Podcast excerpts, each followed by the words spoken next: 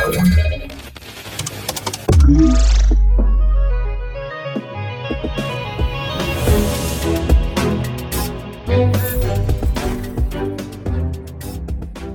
Halo, halo, tu Cyber Cyber Fundacji Bezpieczna Cyberprzestrzeń. Witam Was bardzo serdecznie. Dzisiaj oczywiście Cyber Cyber Raport. 231 odcinek. Mamy wtorek, 173 dzień roku, 22 dzień czerwca. Znany na świecie jako Międzynarodowy Dzień Garbusa, jak również też Lasu Deszczowego. Szósta rano na warszawskim Wilanowie. Ja Wam donoszę, że dzisiaj będzie dość ciepło w porównaniu z dniem wczorajszym. Wczorajsze chłody, a dzisiaj przyjemne 23-24 stopnie, które powinno sprawić, że dzień będzie udany. Witam Was bardzo serdecznie przy mikrofonie Cyprian Gutkowski.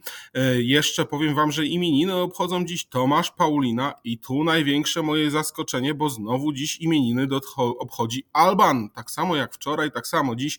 Wszystkiego najlepszego dla każdego. Albana. No a teraz w takim razie wracamy do wyselekcjonowanych przez, wyselekcjonowanych przez MUA informacji ze świata cyber. Dzisiaj troszeczkę felietonowo, trochę więcej informacji nie stricte krótkich, notowych, a więcej takich mających na celu pokazanie tego, co się dzieje i czego można się spodziewać w różnych dziedzinach życia. Mm, no ale po kolei, oto nasze informacje. Serwery Microsoft Exchange zhakowane przez nowy gang y, Todicat APT, mm, krytyczna podatność w Zimbrze, w Rosji brakuje informatyków, około 170 tysięcy wakatów. Producent Pegasusa zeznawał w Europarlamencie, w zasadzie wypowiadał się w Europarlamencie. Y, no i zmiany przepisów RODO w Wielkiej Brytanii w związku z opuszczeniem Wielkiej Brytanii Unii Europejskiej jak, jak Wielka Brytania planuje zmienić prawo. Thank you. Ale przechodzimy do pierwszej informacji, o której Wam wspominałem i grupa APT nazwana Todicat atakuje serwery Microsoft Exchange w Azji i w Europie e, co najmniej od grudnia 2020 roku. Śledząc aktywność grupy, analitycy bezpieczeństwa z Kasperskiego znaleźli też nieznanego wcześniej pasywnego backdora, którego nazwali Samurai i nowe złośliwe oprogramowanie konia trojańskiego o nazwie Trojan Ninja. Oba szczepy złośliwego oprogramowania tak naprawdę umożliwiają atakującym przejęcie kontroli nad e, zainfekowanymi systemami, no i poruszanie się w obrębie sieci swoich ofiar. Ataki Tedikata zostały również e, zauważone też w przeszłości, nie jest to pierwsze ich wystąpienie. Grupa słowacka firma e, ESET od marca 2021 roku śledzi jako klaster działań, które nazwali WebSeek. E, w tym czasie ta grupa hakerska wykorzystywała luki Proxy Logon Exchange, które umożliwiały jej zdalne wykonanie kodu na mm, podatnych na to serwerach w celu wdrożenia E, China Choopera, powłoki i chociaż nie byli tak naprawdę zbyt aktywni od lutego 2021 roku, teraz nasilili swoje ataki, no i właśnie atakują Microsoft Exchange w Europie i Azji za pomocą, za pomocą exploitów Proxy Logon. Krytyczna podatność w Zimbrze. Otóż w łatwy sposób można wykraść hasła do e-mail użytkowników e, na stałe poświadczenia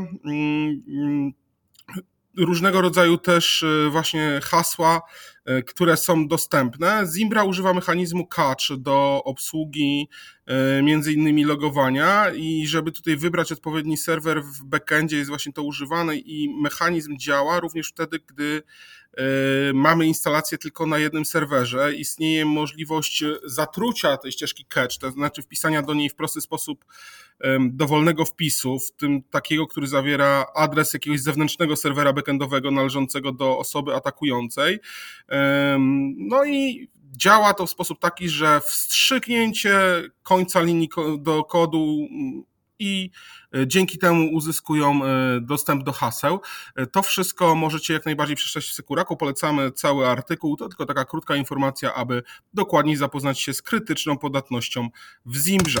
Przechodzimy dalej i kolejna informacja to w Rosji brakuje około 170 tysięcy informatyków, co jest wynikiem masowych wyjazdów specjalistów tej profesji za granicę po wybuchu konfliktu z Ukrainą.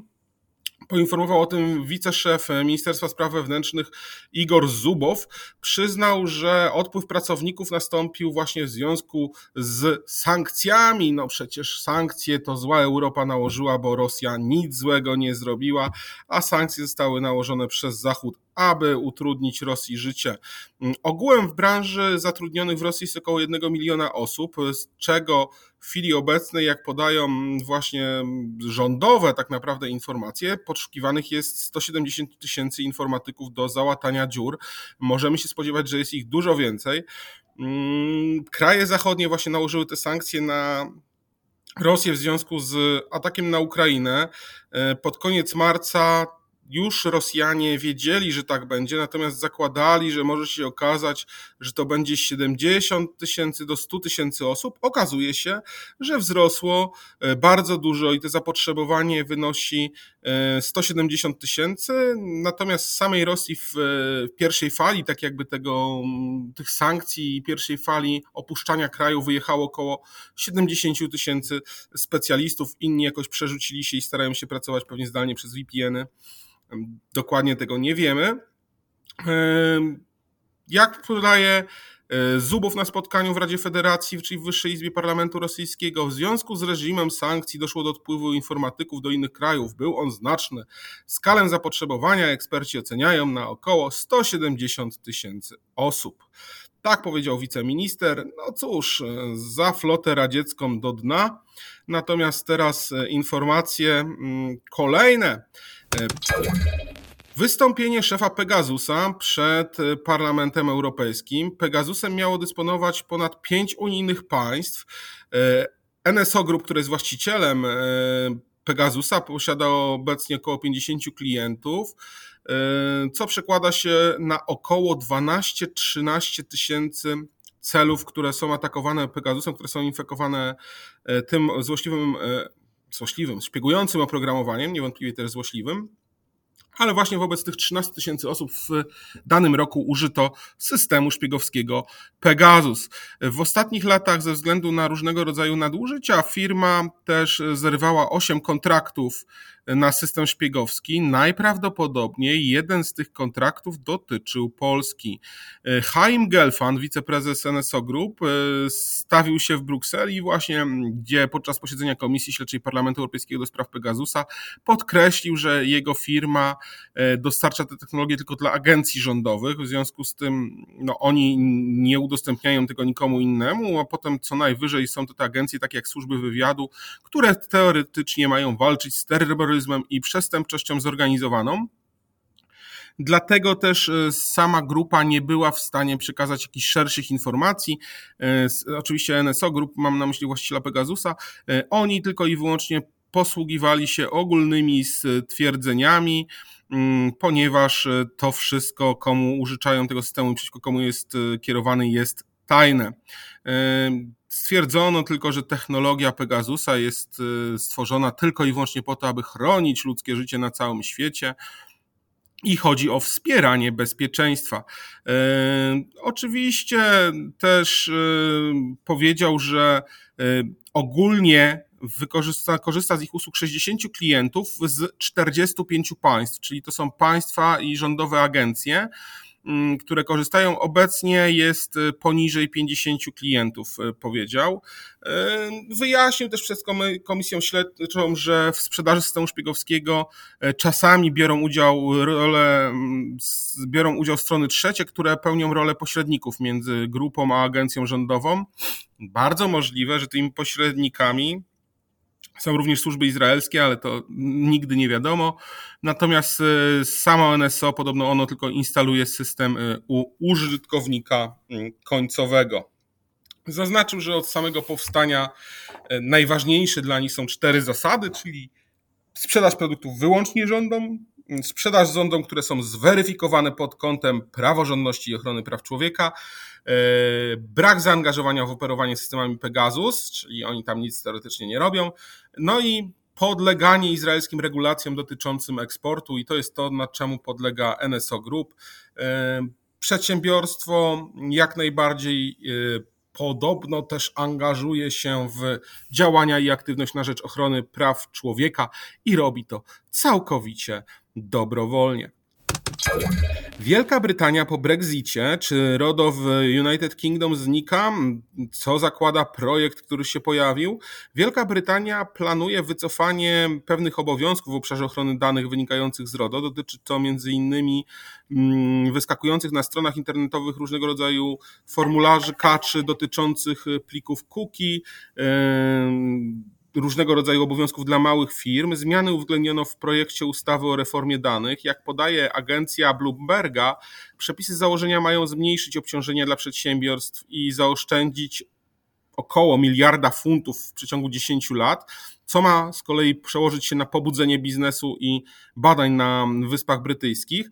Według projektu małe firmy nie będą już zmuszane do posiadania inspektora ochrony danych osobowych ani prowadzenia formularzy dotyczących bezpieczeństwa informacji, czyli całych tych polityk, które powinny być z tym związane. Pojedynczy użytkownicy zyskają możliwość rezygnacji ze zbierania plików cookie, które ich śledzą w internecie.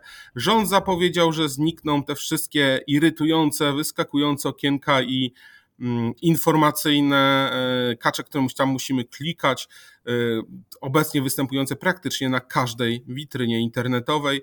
Ustawa zakłada także zwiększenie kar grzywny dla sprawców nękających e, swoje ofiary czy klientów, bo nie wiem jak to nazwać, SMS-ami czy telefonami, czyli te RODO troszeczkę też w drugą stronę na bardziej nasilenie mm, zabezpieczenia końcowego odbiorcy y, usługi nie będzie można mm, od tak sobie dzwonić do każdego. Jak to rozwiążemy, jestem bardzo ciekaw.